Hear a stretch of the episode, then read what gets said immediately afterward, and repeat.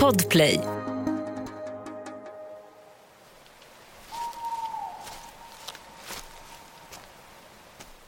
Mellan träden avtecknade sig en märklig siluett. Det skulle kunna vara en människa.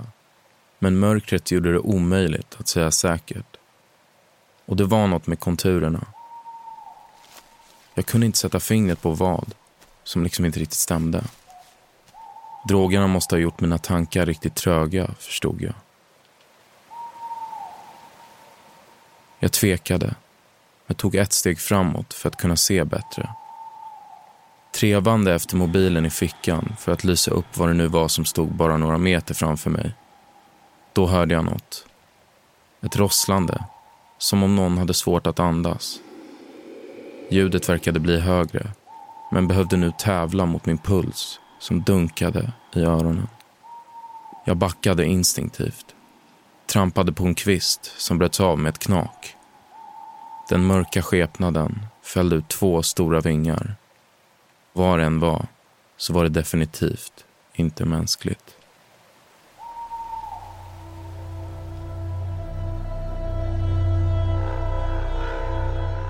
Välkommen till Oförklarliga fenomen.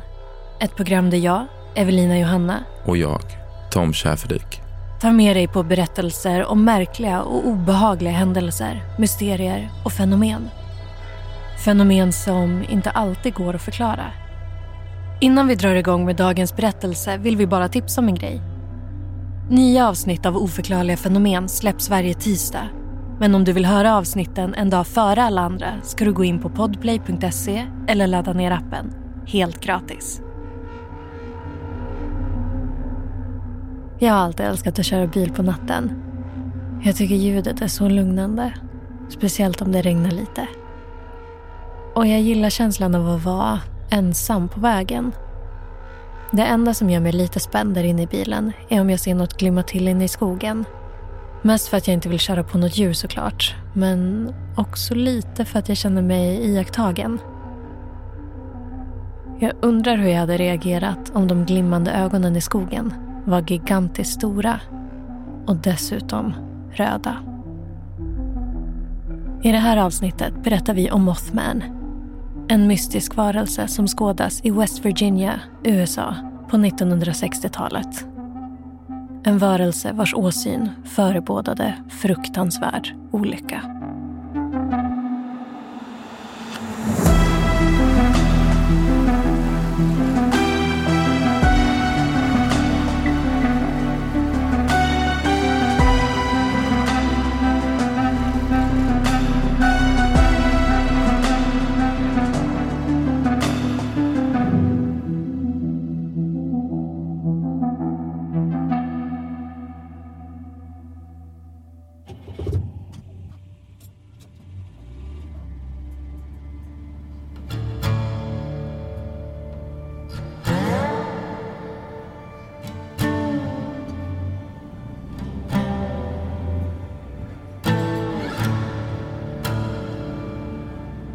Det var på den välbekanta stålbron som jag först tänkte, fan, jag vill inte.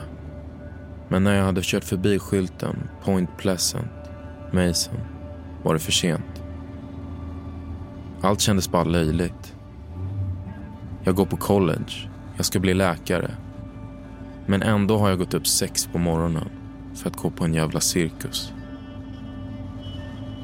Jag hade nästan hoppats på att festivalen skulle ställas in efter hotet. Men hela förhandla inte med terrorister-grejen satte stopp för det. Jag var helt enkelt tvungen att gå.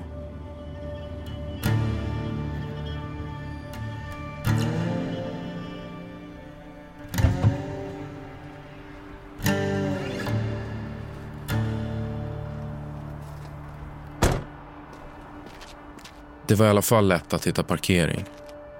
Efter att ha köpt dagens tredje kopp kaffe började jag promenera genom den nyvakna staden mot mötesplatsen vi hade kommit överens om. Redan klockan tio på morgonen var det svårt att se statyn bakom alla som ville ta selfies med den. Namnet Mothman verkar ha tolkats bokstavligt och gjort att statyn ser ut som en blandning mellan en nattfjäril och man. En ohelig kombination som genererat en av de fulaste stålstatyerna jag sett. Varför han har ett sexpack är bortom mig. Efter att ha väntat i 20 minuter var jag arg. Efter 50 bara uppgiven.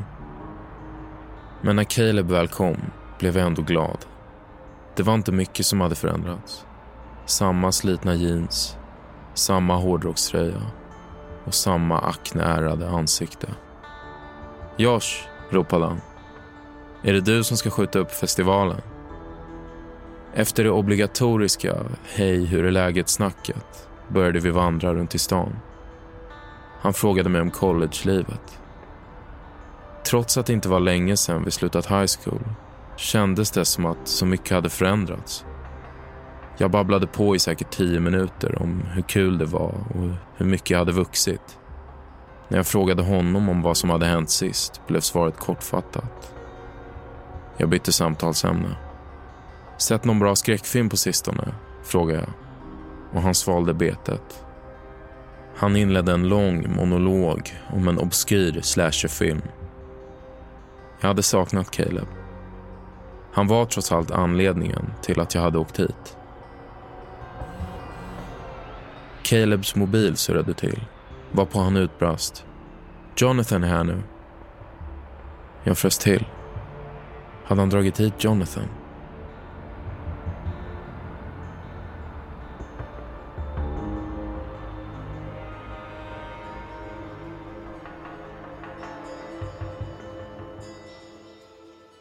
Det första kända vittnesmålet om den varelse som senare ska kallas Mothman kommer in den 15 november 1966.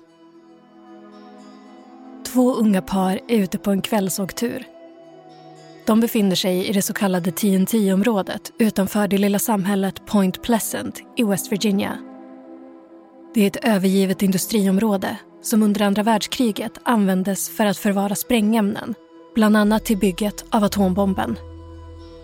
Nu fanns det bara skelett från gamla betongbyggnader och övergivna bunkrar. Det var just det faktum att det var övergivet som lockade vännerna dit. Runt midnatt kör de på en liten sidoväg när en av dem skriker till och pekar. Något rör sig i mörkret. Det ser ut som en människa med enorma mörka vingar.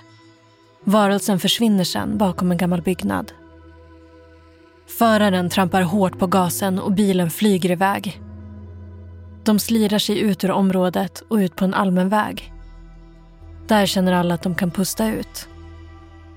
Men det visar sig snart vara för tidigt för det.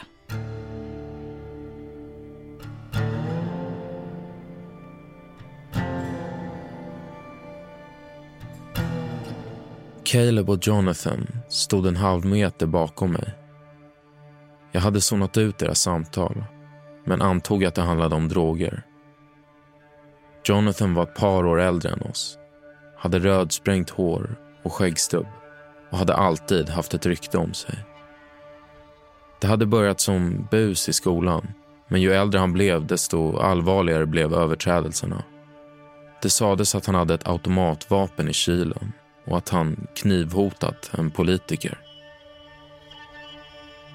Min mage drogs ihop av förakt och skuldkänslor. Hade jag vetat att Caleb skulle börja hänga med Jonathan hade jag nog sett till att ringa Caleb lite oftare än jag gjort. Vi gick förbi stånden, tog ett varv inne på museet och tog bilder med Mothman-maskoten. Vi hade inte ens vandrat runt i 40 minuter innan jag kände mig klar. Jonathan verkade hålla med mig. Fan, det här stället suger, sa han till Caleb. Äh, det roliga är ju bussturen till TNT-området, svarade han. Jag såg min chans och drog upp mobilen. Det går en buss om en kvart. Vi hinner om vi är snabba. Men Jonathan bara fnös. Det är ju ljust ute. När går sista?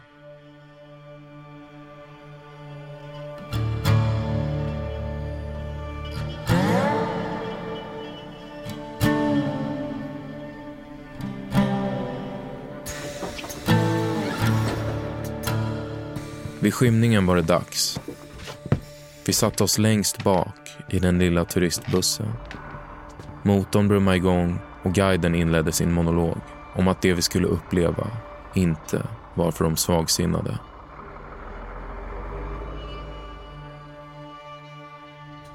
Bussfönstret blev som en spegel i takt med att mörkret la sig och vi tog oss djupare in i skogen. Caleb och Jonathan satt och fnittrade bredvid mig. Var är det här jag hade kommit hit för? En armbåge träffade mig i revbenen. Josh, viskade Caleb. Ska du ha? Jag tittade ner och såg några godisbitar. Men av Calebs min att döma rörde det sig om något helt annat. Ät, uppmuntrade han. Det är weedgodis. Kom igen, det är inte farligt. Jonathan tog med dem. Jag är inte ett jättestort fan av cannabis, men jag tog ett gäng och svalde. Caleb och Jonathan skrattade. Ett poddtips från Podplay. I fallen jag aldrig glömmer djupdyker Hasse Aro i arbetet bakom några av Sveriges mest uppseendeväckande brottsutredningar. Går vi in med hemlig telefonavlyssning och, och då upplever vi att vi får en total förändring av hans beteende. Vad är det som händer nu? Vem är det som läcker?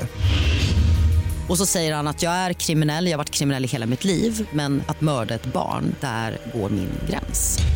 Nya säsongen av Fallen jag aldrig glömmer på Podplay.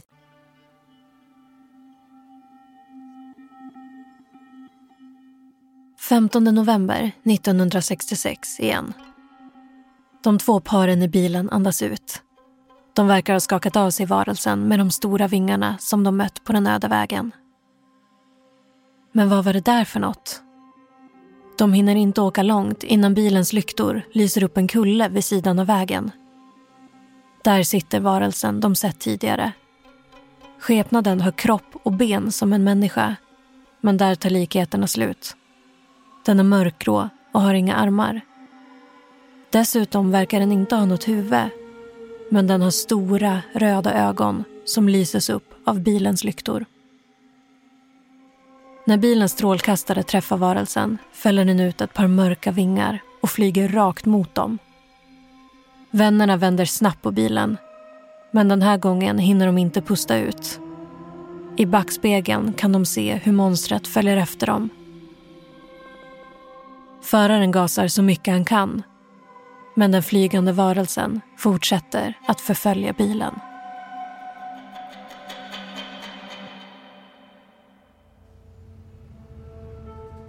Träden var nu bara silhuetter, marginellt mörkare än himlen. Guiden på bussen fortsatte berättelsen om det par som ska ha sett Mothman här 50 år tidigare. Jag vet inte om det är på grund av mörkret eller drogerna men berättelsen gjorde mig lite illa till mods. Jag trodde inte på den, såklart.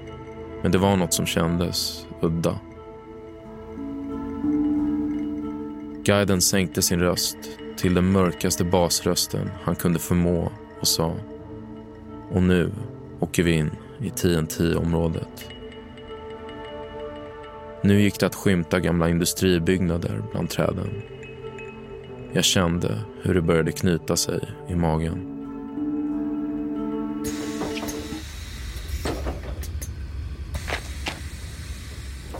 Mörkret var ännu mer påträngande utanför bussen.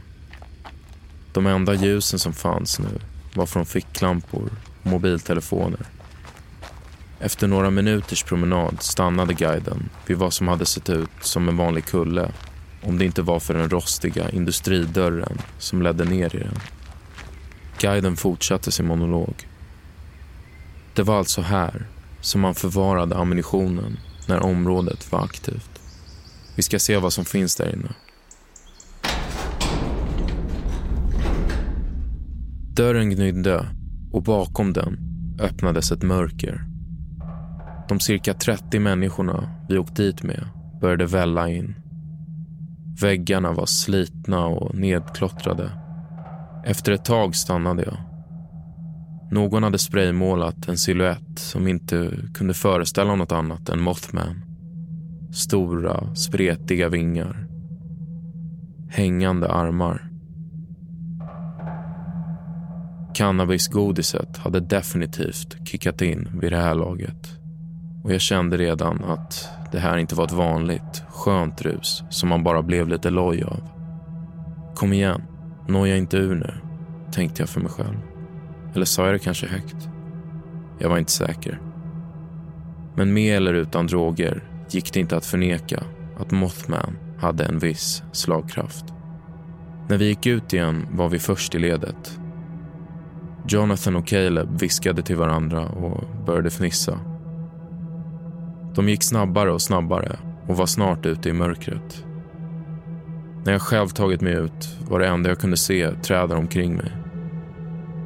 De var inte på väg till bussen. Jag stod kvar. Vad fan håller de på med? Ledet av turister började passera mig. Borde jag följa med dem? Tanken på att bli lämnad här utan en transport tillbaka till stan var inte särskilt lockande. Caleb borde hitta tillbaka. De har säkert bara sprungit iväg någonstans. Men tänk om de har tappat bort sig. Jag kom att tänka på målningen jag precis hade sett. Stora, svarta vingar.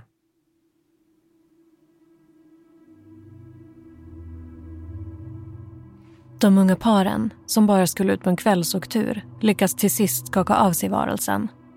De kör raka vägen till polisstationen för att berätta vad de har sett. Polisen tog sig själva ut till området för att undersöka men hittade inget utöver det vanliga. De unga paren blir snart kontaktade av lokaltidningen där de får berätta om vad de har sett. Och det dröjer inte länge innan fler börjar se varelsen. Bara tre dagar efter att artikeln publicerats har åtta vittnesmål om en liknande varelse kommit in. Och fler ska det bli. Snart blir det hela ett fenomen. Man pratar om att varelsen bor i ett gammalt kärnkraftverk i TNT-området där atombomben utvecklats. Vid ett tillfälle kallar en journalist varelsen för Mothman. Ett namn som fastnar. Över ett år efter att de unga paren sett varelsen fortsätter rapporterna att komma. Men i december 1967 kommer berättelsen att gå i en mörkare riktning.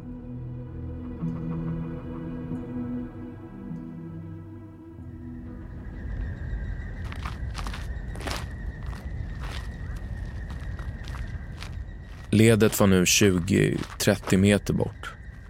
Jag kunde se mobillamporna fladdra åt alla håll, men runt mig var det helt mörkt. Jag kunde knappt ens urskilja den lilla kullen som bara var några meter bakom mig. Ljuset från ledet blev svagare. Caleb, ropade jag. Bussen går snart. Jag började vandra omkring. De kanske hade gått upp på kullen.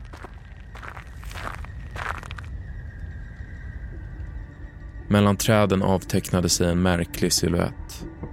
Det skulle kunna vara en människa. Men mörkret gjorde det omöjligt att säga säkert. Och det var något med konturerna. Jag kunde inte sätta fingret på vad, som liksom inte riktigt stämde. Drogerna måste ha gjort mina tankar riktigt tröga, förstod jag. Jag tvekade, men tog ett steg framåt för att kunna se bättre. Trevade efter mobilen i fickan för att lysa upp vad det nu var som bara stod några meter framför mig. Då hörde jag något. Ett rosslande, som om någon hade svårt att andas. Ljudet verkade bli högre, men behövde nu tävla mot min puls som dunkade i öronen. Jag backade instinktivt, trampade på en kvist som bröts av med ett knak den mörka skepnaden fällde ut två stora vingar och gick till anfall. Den gav ut ett högt skrik och började röra sig mot mig. Jag vände mig och började springa men tappade snabbt mitt fotfäste. Jag föll hårt ner på marken och kippade efter andan. Skriket hade övergått i ett kacklande. Varelsen kom närmare dess klor sjönk in i min midja och började kittla mig. Du gick på den. Det var Calebs röst. Efter många försök kunde jag äntligen andas igen och såg upp mot honom. Han stod knäböjd och försökte stilla sitt skrattanfall. Runt sina armar hade han lindat två jackor. Förlåt, det var bara för kul. Gick det bra? Han räckte mig en arm. Jag ställde mig upp utan den. Nu kunde jag höra ett till kacklande från mörkret. Jonathan. Jag visste att du skulle vänta på oss, sa Caleb. Du skulle ha sett det själv. Jag kokade. Jag var så arg att jag inte kunde säga något. Istället började jag gå mot bussen.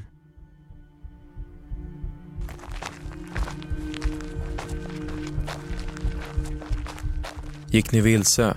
frågade guiden när vi kom tillbaka. Jag satte mig längst bak i bussen. Caleb och Jonathan satte sig bredvid mig. De skrattade fortfarande. Motorn startade med ett harklande ljud och vi rullade iväg. Jag stirrade ut genom fönstret. Gjorde allt för att stänga ute Caleb och Jonathan. Trädtoppar, hastighetsskyltar telefonledningar flimrade förbi. Så plötsligt, vid sidan av vägen var det två illröda ögon som brände i mörkret. En stor, mörk skepnad som fällde ut breda vingar och flög iväg. Hela min kropp dunkade. Jag måste ha sett i syne. Jag hallucinerade. Men varelsen var fast etsad på min näthinna. Mina tankar gick genast till festivalen och till katastrofen som ägt rum något år efter Mothman sågs första gången. Men något sånt kunde väl inte hända nu? Något kändes fel. Min puls hade fortfarande inte lagt sig. Jag kan inte ha sett Mothman, intalar jag mig själv. Jag tror inte på sånt. Mina tankar drogs hela tiden till det som hände sist Mothman sågs i närheten av Point Pleasant. Känslan att något fruktansvärt skulle hända gick inte att skaka bort. Jag sneglade på Jonathan. Skulle han kunna göra något? Jag ville bort från honom. Ville få bort Caleb från honom.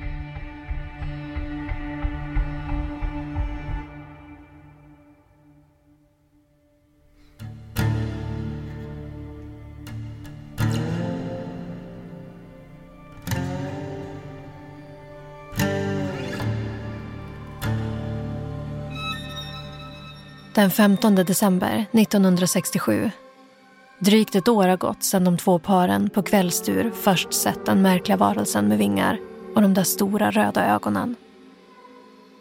Vardagen har tagit över igen och bilister tar sig in och ut ur Point Pleasant över den så kallade Silver Bridge som går över den breda Ohiofloden. Det är mycket trafik och antalet bilar som befinner sig på bron bara ökar. Då händer det som inte får hända. Ett högt metalliskt läte hörs och bron ger vika. Den gigantiska stålkonstruktionen och alla bilar som befinner sig på den faller ner i det iskalla vintervattnet. Katastrofen är ett faktum och 46 människor mister livet. Det dröjer inte länge innan folk börjar dra kopplingen mellan olyckan och varelsen i skogen. Är det Mothman som har fått bron att krascha? Eller har den vetat om det? Var uppenbarelserna en varning om att katastrofen var runt hörnet? Efter Silver Bridge-tragedin kommer inga fler vittnesmål om Mothman.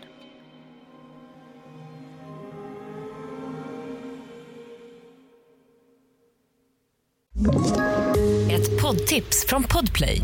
I fallen jag aldrig glömmer djupdyker Hasse Aro i arbetet bakom några av Sveriges mest uppseendeväckande brottsutredningar. Går vi in med hemlig telefonavlyssning och, och då upplever vi att vi får en total förändring av hans beteende. Vad är det som händer nu? Vem är det som läcker? Och så säger han att jag är kriminell, jag har varit kriminell i hela mitt liv men att mörda ett barn, där går min gräns. Nya säsongen av Fallen jag aldrig glömmer på Podplay.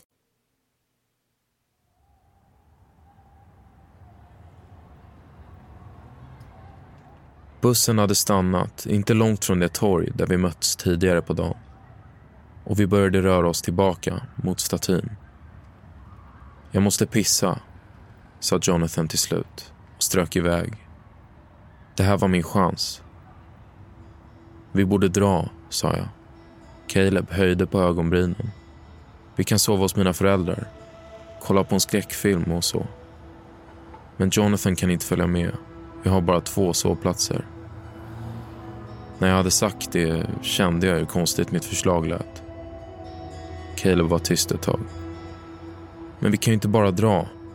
Vi kan ju inte bara lämna Jonathan. Vad är det med dig? Svarade Caleb. Det var lika bra att säga som det var.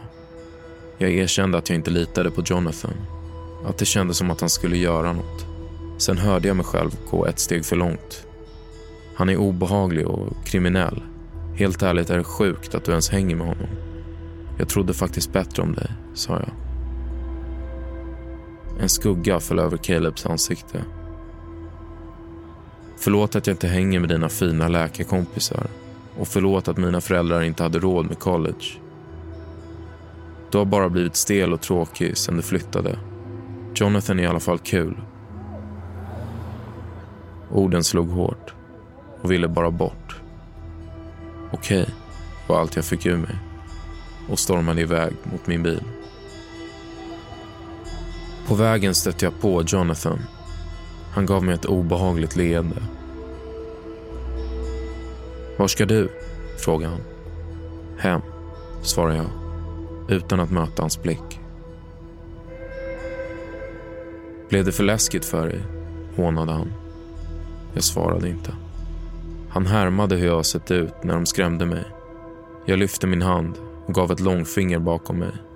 Sen fortsatte jag till bilen.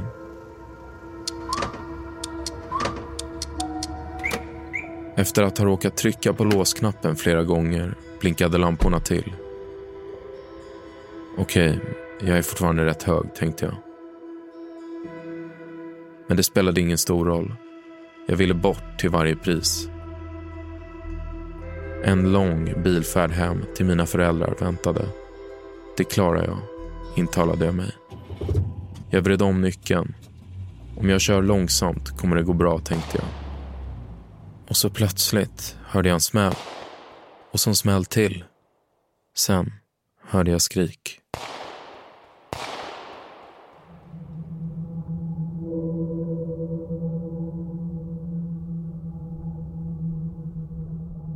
Den som drar kopplingen mellan rapporterna om Mothman och Silver Bridge, bron som rasade ett år efter de första iakttagelserna av varelsen, är författaren John Keel.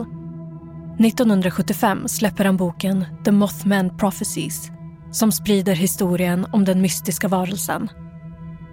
Idag har det blivit ett fenomen och sedan 2002 arrangerar Point Pleasant en årlig festival i monstrets ära som lockar över 10 000 besökare. I stan har man öppnat ett Mothman-museum och låtit resa en staty som ska föreställa monstret.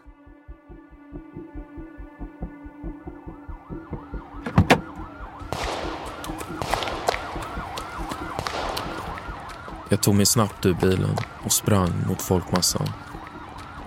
Någon skjuter. Spring, varnade någon. Skotten fortsatte att eka med en sporadisk rytm. De kom från samma ställe där jag lämnade Caleb. Var det här som Silverbridge-katastrofen? Hade varelsen jag sett varit ett omen? Folkströmmen blev för tät, omöjlig att ta sig igenom. Jag svängde av på en sidogata i stan. Skytten kunde inte vara mer än några kvarter bort. Tack vare smällarna och den flyende folkmassan hade jag en ganska bra aning om var gärningsmannen befann sig. Smällarna blev högre. Jag undvek huvudgatorna och kom närmare och närmare det torg där jag och Caleb sist sågs. Jag svängde runt ett hörn och kunde äntligen se torget. Det var som att springa in i en vägg. Kropparna var överallt. De låg där, huller om buller, som om de bara hade fallit till marken. Jag samlade mod och begav mig ut på torget. Kropparna var värre på nära håll. En av dem fick mig att haja till. Det var en man som låg i framstupa sidoläge. Jag tog i med foten och vände kroppen. Jonathans blick var tom och hans mun gapade. Kulan hade träffat honom någon centimeter från näsan. Jag kunde inte sluta titta. Det var först då jag kom ihåg att någon hade ringt in och hotat festivalen. Ingen hade tagit det på allvar och det här var konsekvensen. En svag röst ropade mitt namn. Jag såg mig omkring. Caleb, utropade jag. Jag började springa mot honom. Fem eller sex högljudda smällar ekade till höger om mig och jag kunde höra ljudet av glas som krossas. Jag ökade takten och kom fram till husväggen där Caleb låg. Den skulle i alla fall skydda mig temporärt. Josh, stönade Caleb. Han hade ont. Det är okej, okay, viskade jag. Vi måste dra nu. Kan du gå? Han var skjuten i axeln och benet och hade förlorat väldigt mycket blod. Jag hörde fotsteg mot asfalten. Kom, vi måste gå, upprepade jag. Caleb lyfte en blodig hand och pekade mot min mage. Jag hade också träffats.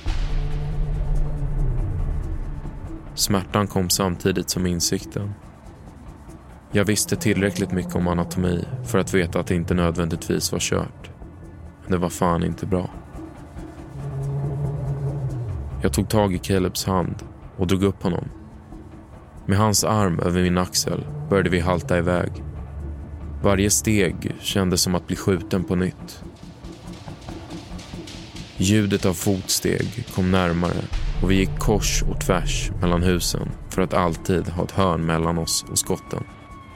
Till sist såg jag ett blårött ljus blinka mot en byggnad. Polisen. Jag haltade dit, men för varje meter blev världen suddigare och mörkare. Jag chansade. Jag ropade på hjälp så högt jag kunde. Sen var jag tvungen att lägga mig ner. Vad som än hände nu kunde jag inte göra något åt det. Så kom skotten. Men nu lät det annorlunda. Det här var en eldstrid, ingen massaker. Jag kollade upp och såg poliser med draget vapen springa i vår riktning. Om jag ändå tolkat Mothman som en varning kanske jag hade klarat mig. Då hade jag varit långt borta vid det här laget. Jag hade kunnat dra med mig Caleb och Jonathan härifrån, hem till mina föräldrar vi hade kunnat sitta i mitt pojkrum framför en B-skräckis i detta nu. Jag började känna märkliga domningar i armar och ben. Och snart spred sig en värme långsamt från magen ut genom kroppen. Världen blev mörkare och mörkare. Till slut var allt svart.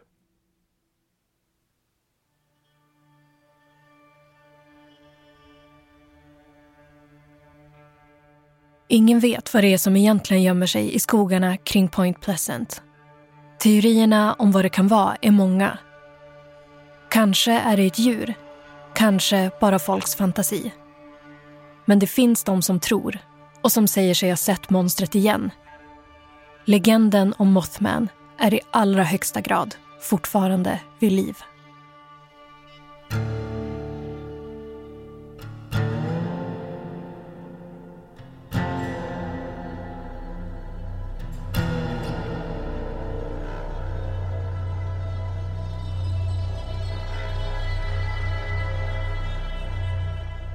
Du har lyssnat på Oförklarliga fenomen med mig, Evelina Johanna. Och mig, Tom Schäferlik. Manuset är skrivet av Axel Rosenberg. Redaktör, Alex Häger. Originalmusik, Adam Bejstam. Huvudtema, Oscar Wendel.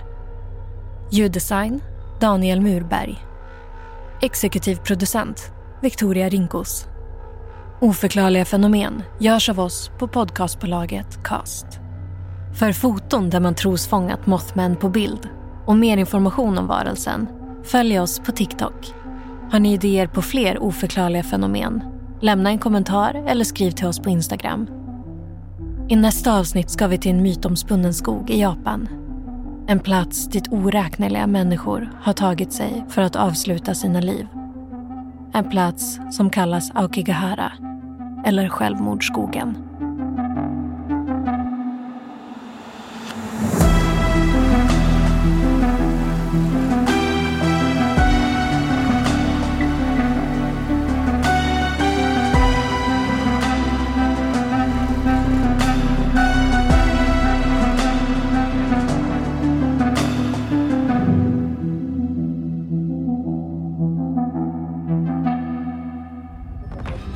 Podplay, en del av Power Media. Ett poddtips från Podplay. I fallen jag aldrig glömmer djupdyker Hasse Aro i arbetet bakom några av Sveriges mest uppseendeväckande brottsutredningar. Går vi in med hemlig telefonavlyssning och, och då upplever vi att vi får en total förändring av hans beteende. Vad är det som händer nu? Vem är det som läcker? Och så säger han att jag är kriminell, jag har varit kriminell i hela mitt liv men att mörda ett barn, där går min gräns. Nya säsongen av Fallen jag aldrig glömmer på Podplay.